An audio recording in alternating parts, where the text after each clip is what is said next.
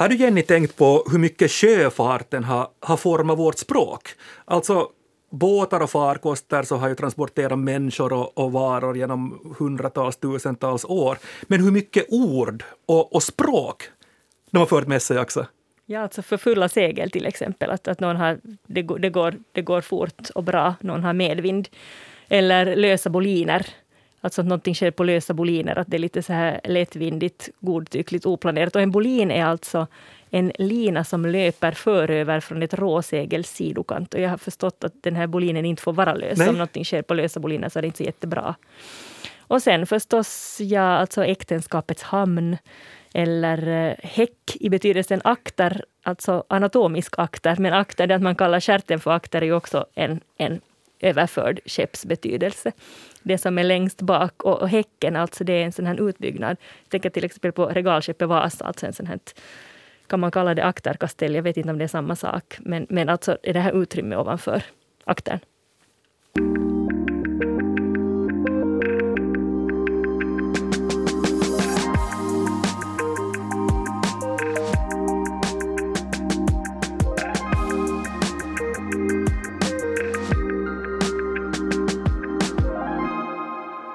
Näst sista ordet är tillbaka med en ny säsong och besättningen är densamma. Jag heter Jens Berg och med mig har jag språkexperten Jenny Sylvin. Hej. Jag vet inte, jag har inte frågat dig det här, men jag har för mig att du inte är en seglare eller en båtmänniska. Har jag rätt eller har jag fel? Sådär halv. Alltså, jag är en ganska älskvärd och inte helt bortkommen gast. Okay. Alltså, jag gästar gärna folks båtar och seglar med. Jag är ganska bra på att navigera, det tycker jag är jätteroligt. Och jag vet nog principerna för hur man kryssar, men jag vill gärna att någon annan fattar de här slutliga besluten om när man ska göra slag. Små motorbåtar kör jag utan problem och jag är en hejare på att ro. Mm. Låter okej. Okay. Jag, jag kan här erkänna och bekänna att jag tror att jag har varit ombord på en segelbåt kanske två gånger i mitt liv. Och jag är drygt 50. Men jag har nu i sommar skaffat en lite ordentligare båt för första gången i mitt liv, en lite större motorbåt. Tidigare har jag bara haft små, små roddbåtar. Men jag måste säga det också att jag, jag känner mig inte helt bekväm alltså i en, i en båt. Dels för att jag inte kan det praktiska och dels för att jag inte förstår vad, vad folk talar om. Alltså jag, jag känner mig helt enkelt lite vilsen och, och jag, jag, tror att om någon skulle säga till mig att hej, att Berg, gå till kapellet eller hämta kapellet från förpiken så kunde jag lika väl komma tillbaka med en flaska skumpa eller någonting. Jag, jag, jag, jag kan inte. Jag skulle sannolikt komma med båda. Jag skulle komma med ett kapell och en flaska skumpa. Okej. Okay. Vi har tillkallat förstärkning här och jag är så glad att få välkomna Maj Wikström ombord. Hej och välkommen Maj! Tack! Maj, du är journalist och du är en riktig båtmänniska. Har du varit en båtmänniska i hela ditt liv? Ja, eh, jag har börjat med en liten motorbåt när jag var flicka. Eh, skumpa iväg på den på vattnet och lärde mig vad far är för någonting annat än min pappa som var den som lärde mig. Eh, men sen som ung så, så, så började jag tillsammans med min man segla en liten träbåt, en nordisk folkbåt. Och, och, på den vägen blev det. Så att nu, nu seglar jag nog gärna. Vi har en större båt nu och, och, och seglar också i Medelhavet när läget tillåter det. Mm. Ja, du, du ordnar seglingsresor i den grekiska övärlden. Hur går det här till? No, det går till så att det antingen är ett gäng som har bestämt sig för att de vill åka och segla och behöver en skeppare. Eller så har vi också ordnat sådana här resor där där det helt enkelt finns platser för den som vill komma med och kanske till och med för första gången sätta sig i en segelbåt. Och, och, det här måste jag säga är jätteroligt på många sätt. Dels därför att vädret är så fantastiskt och, och dels därför att det på något vis formar en grupp det där att tillsammans en vecka röra sig på platser där man liksom upptäcker nya saker. Plus att man upptäcker den där båten och lär sig då ganska mycket under, under den färden många har ju liksom till exempel aldrig Nej. seglat förut. Så, att, så det är en helt fantastisk upplevelse nog. Det här är ju en, en språkpodd och vi ska idag så fint när jag säger det, det låter så fint, navigera på det språkliga hav som båtterminologin utgör. Den hade jag skrivit ner riktigt. Hur, hur skulle du Maj beskriva det här ganska speciella fackspråket som används ombord på båtar? Äh, ja, om jag nu ska ta till termer så tycker jag att det, det är både en styrka och en barlast. Därför att det där språket har utformats under så många hundra, rent av tusen år.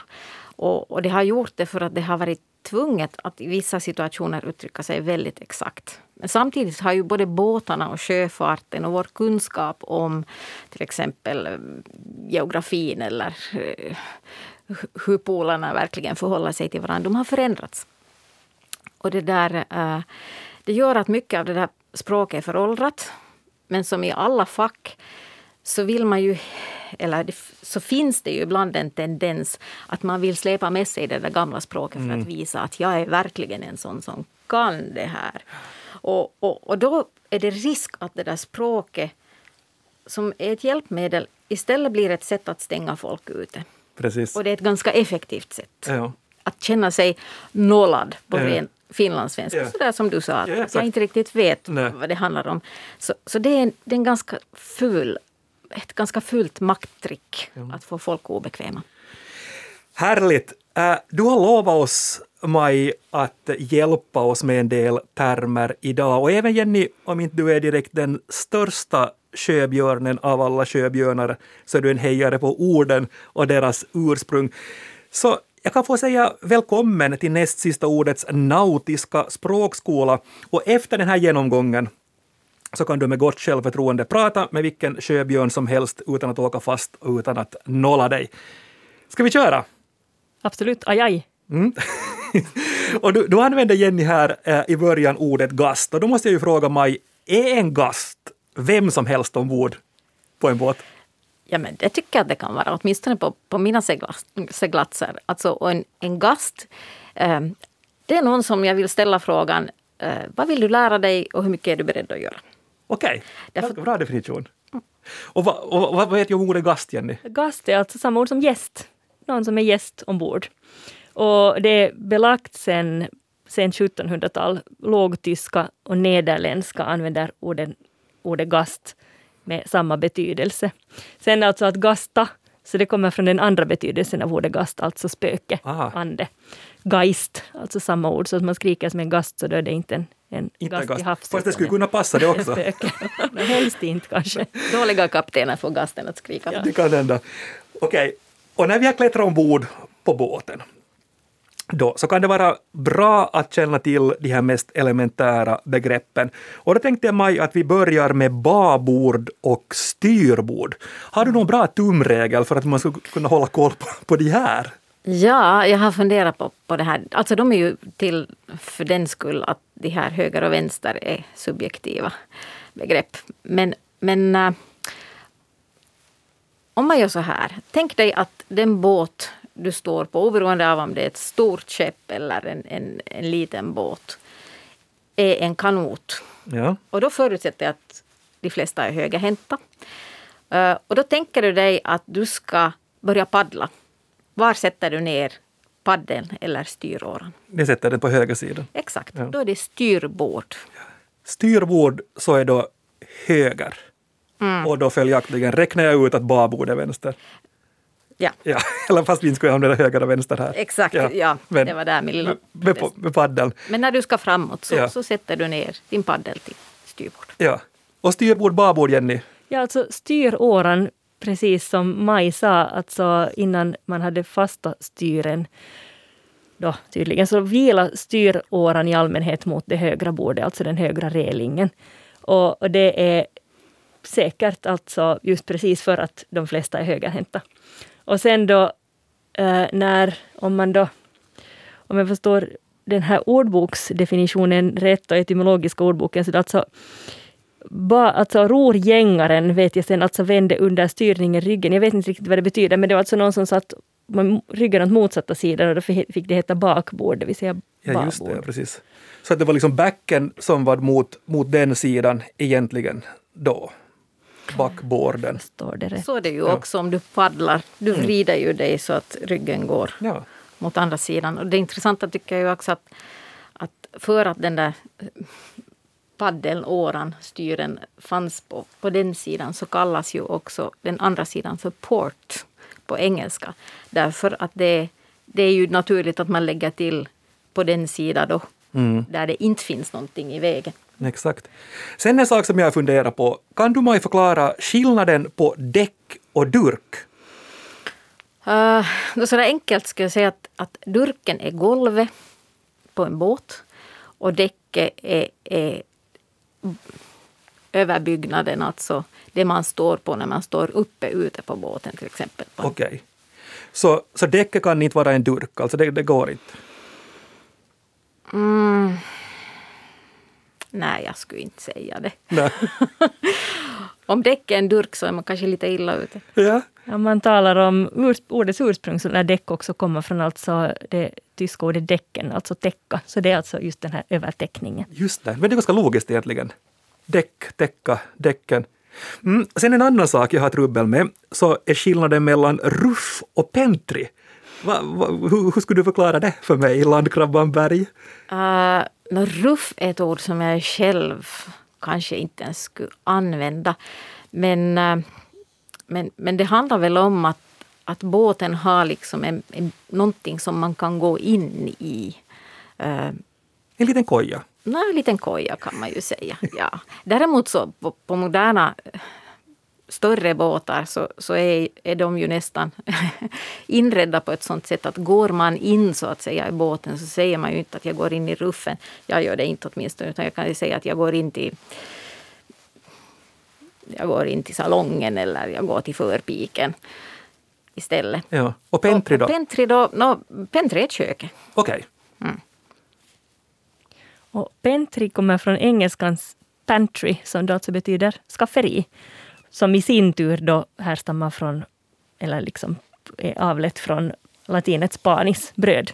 Just det, logiskt. Brödskåpet, ja. som sen har blivit en liten kokvrå. Ja, ja. Som ju är jätteviktig ombord på en båt. Väldigt viktig. Man ska inte ha hungriga gastar som gastar efter mat. Absolut inte. Nej, exakt. Och sen så brukar det vara så, eller de, gånger, de få gånger som jag har varit ombord på en båt, så då brukar jag få ansvaret att fälla ut fändrarna. Och om kapten Wikström beordrar mig att fälla ut dem så, så då vet jag alltså vad jag ska, vad jag ska göra. Men, men med, med fänder, det är ett ganska lustigt ord egentligen. Det är ett lustigt ord alltså. Och, och här för inte så jättelänge sedan så blev jag själv alldeles kall. Därför att jag brukar tala om fändert. Ja. Och alltså fändert, fänderten, fändertar. Mm. Och andra talar om fänder, fändrar. Och då blev jag alldeles så här att hoppsan, att talar jag någon sorts 1800-talsbåtska? Båda går. Båda går. Båda går. Eh, det intressanta är ju då att, att finlandssvenskarna talar om fändare. Okej. Okay. Så då slipper man hela... hela köret. Det är ett ganska trevligt, alltså försvenskat, liksom försvenskad form. Fendert eller fendern kommer från alltså eh, defend, försvara, defendere. Alltså man skyddar båten mot eh, slagdunkar, eh, att skava mot en kaj. Och, och det är då en sån här gummikuddar, gummi, sån här tuber som man hänger ut längs relingen för att de då kommer i kläm mellan båten och, och kajen och tar smällarna helt enkelt. Men det där är ju jättelogiskt också, att det kommer från försvara om, om man liksom vill skydda de ser, ju alltså, ja. de ser alltså ut som små ballonger för att de är fyllda med luft. Och på grekiska har jag hört att de talar om balonja. Balonja, mm. det är ju vackert. Mm. Sista ordet här i, i grundkursen och man avslöjar ju sig som en landkrabba om man talar om lamporna på båten. Man ska säga lanternorna har jag, har jag hört. Är det så att du, man blir avslöjad just på den punkten? Tja, avslöjad och avslöjad. Man förstår ju vad du menar. Men å andra sidan finns det ju lampor inne i båten också. Ja. I de här stora fina. Ja, det är inte så att du tänder lanternan, nu ska jag läsa sjökortet, man står liksom inne. Utan lanternorna är de här lyktorna, alltså lanterna och lykta är ju samma ord. Och, och det, alltså de här, framförallt avses ju med lanterna de här äh, obligatoriska lysen man har på båten för att folk ska kunna se en och lista ut åt vilket håll man är på väg. Mm. Med de här orden och uttrycken så klarar man garanterat grundkursen i en båt, men nu ska vi ut och segla.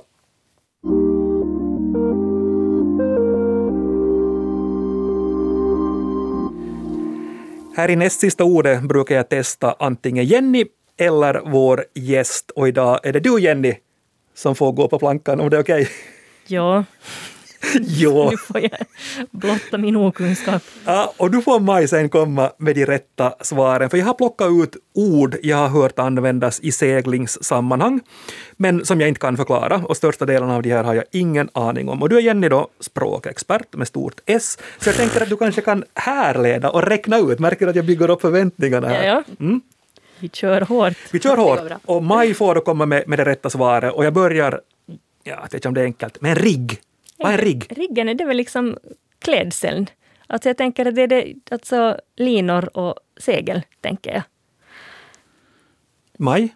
Ja, alltså om man tar det enkelt så riggen är ju det som går uppåt och det som bär segel eller egentligen gör att man kan, kan segla överhuvudtaget. Och då finns det alltså skillnad mellan stående rigg som är allt sånt här som inte rör sig. Det vill säga masten, stagen, de här vajrarna som går på sidan därför att en mast kan inte stå ensam på en båt. Då, då, då knäcks den. Eh, till det hör också förstage, Okej. men, men, till rigg, äh, men, men rigg är också allt sånt som gör att man får till exempel seglen hissade. Eh, Så fallet är då den här rörliga delen av riggen. Och, och de här skoten som man styr seglen med, det hör också till riggen. Okej. Men det är också en rörlig. Men hör, rigg, hör seglen också till riggen? Eh, Seglen hör inte till riggen utan det, det är det som så att säga gör att man får upp seglen. Som Det är det som man gör för att kunna rigga upp sina segel. Du fick en halv poäng där Sylvien bara. Okej, Okej. vackert så. Följande ord, fock. Om Maj säger att du ska göra någonting åt focken, vad börjar du söka då? Jag började titta efter det mindre av seglen. Efter det mindre av seglen. Och nu är jag inte säker på riktigt, alltså för att sen finns, alltså jag antar att genua och, och sen spinnaker, den har ju ofta ganska stor yta, alltså de här ballongseglen som man ofta sätter upp i fören. Så jag misstänker att focken är alltså, är genuan en fock? Bra fråga. Genuan, genuan är en genua, men den är större än focken. Den är större än Så focken. jag tror nog att du hittar rätt segel om Ja. du söker efter Bra. det minsta. Och snöfock, det är ju alltså en segel som inte gör, ett segel som inte gör sitt jobb. Det han dallrar där och hänger slakt. Och, och, ja, ja. Ja. Mm. Och sen finns det också stormfock som är, är det lilla segel som man sätter upp bara för att båten inte ska gunga så förskräckligt. Lovart. Om du hör det ordet, Jenny, var ska du titta då? Mot vinden. Le är, är då liksom i vindskydd och lovart är alltså Exakt. Mot vinden. Mm. Lovart är det håll dit du inte ska slänga dina sopor eller spotta. Okej. Bra regel.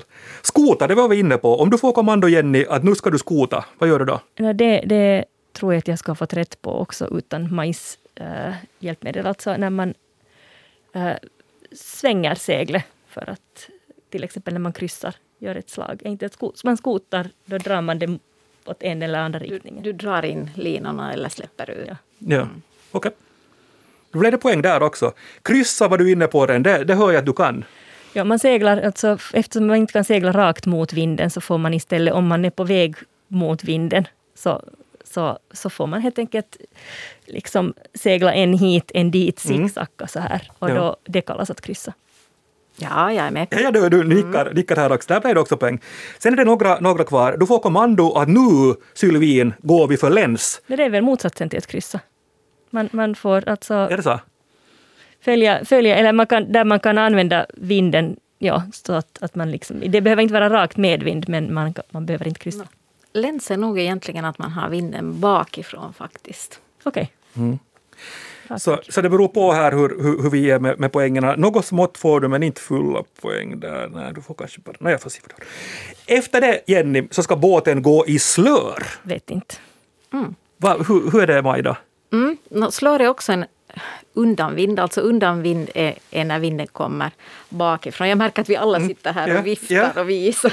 Men, men när vinden kommer bakifrån så har man då läns eller slör. Och, och här kommer det in de här gamla termerna också. För, för båten har också liksom egna, vad ska vi kalla det, väderstreck. Eh, där finns eh, tvärs och så förstås akter. Men så finns det ett sånt här mellan båtväderstreck som kallas för låring. Okej. Och, och, och när det då övergår från att vinden går rakt bak, ba, bakifrån, alltså läns, Mm. eh, eller flattläns. Och övergår då till att den kommer lite snett bakifrån. Så då är det slör. Mm. Okej. Och slör är egentligen den bästa vinden för då, då, då riskerar man inte att vissa saker händer som man inte vill att ska hända. Så slör är bra. Slör är bra. Uh, det sista, Jenny, du ska göra innan du får kanske ditt språkliga sjökort här, är att då ska du jippa. Vet inte. Vad gör man Det när vill, man... jag, det vill jag gärna lära mig. Oj, vad skönt att du inte vill jippa. Därför att, och det, och det var det som jag lite var inne på Äh. när det handlar om det här med, med läns. Alltså, när vinden kommer rakt bakifrån så finns det risk att det sker en jipp. Och, och det är när seglet med undanvind eh, far över från ena sidan till den andra. Det vill säga att man får in vinden från den andra sidan. Ja. Och, och det här vill man ju göra ibland. Och man kan göra en kontrollerad jipp. Men om det är en okontrollerad jipp där man styr lite slarvigt och, och seglet liksom far över till andra sidan med, med full kraft utan att man då har liksom skotat in den så att den har en ganska kort om jag nu kallar det lina för att, att, att den där svängen inte blir så hård. Så är det till och med risk att, att någonting går sönder. Okej. Därför det är en fruktansvärd kraft i ett segel. Och, och sen det andra är det där som de flesta nog känner till. Att akta dig så du inte får bommen i huvudet. Och, och det är det här som är risken när den kommer över, så att säga, om det är en låg sittbrunn. Eh, när bommen kommer över med fart så då kan det hända saker som inte är trevliga. Så, så jippa ska man göra bara om man verkligen vet vad man gör. Det var jippa. Sylvin, på sjökortet står det fem poäng av åtta. Det är ganska bra egentligen. Det är jättebra. En annan sak som fascinerar mig med, med språket och terminologin ute till havs, så är också att man använder då olika ord för avstånd och hastighet. Det är alltså inte då kilo, kilometer och kilometer i timmen som gäller, utan andra måttenheter.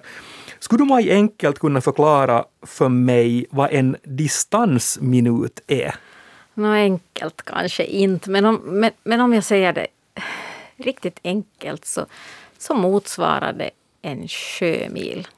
Mm, Och en sjömil är det man använder för att ange avstånd till havs. precis. Och en sjömil så har jag en perfekt tumregel för. Det var när gamla Vasa brann 1852. Så att Vi en, talar inte om Vasa skepp utan stan. Stan, gamla stan, gamla Vasa, 1852. Så det är en sjömil, en nautisk mil. Det vill säga 1852 meter. 1852 Hundra år meter. före Helsingfors-OS. Sant.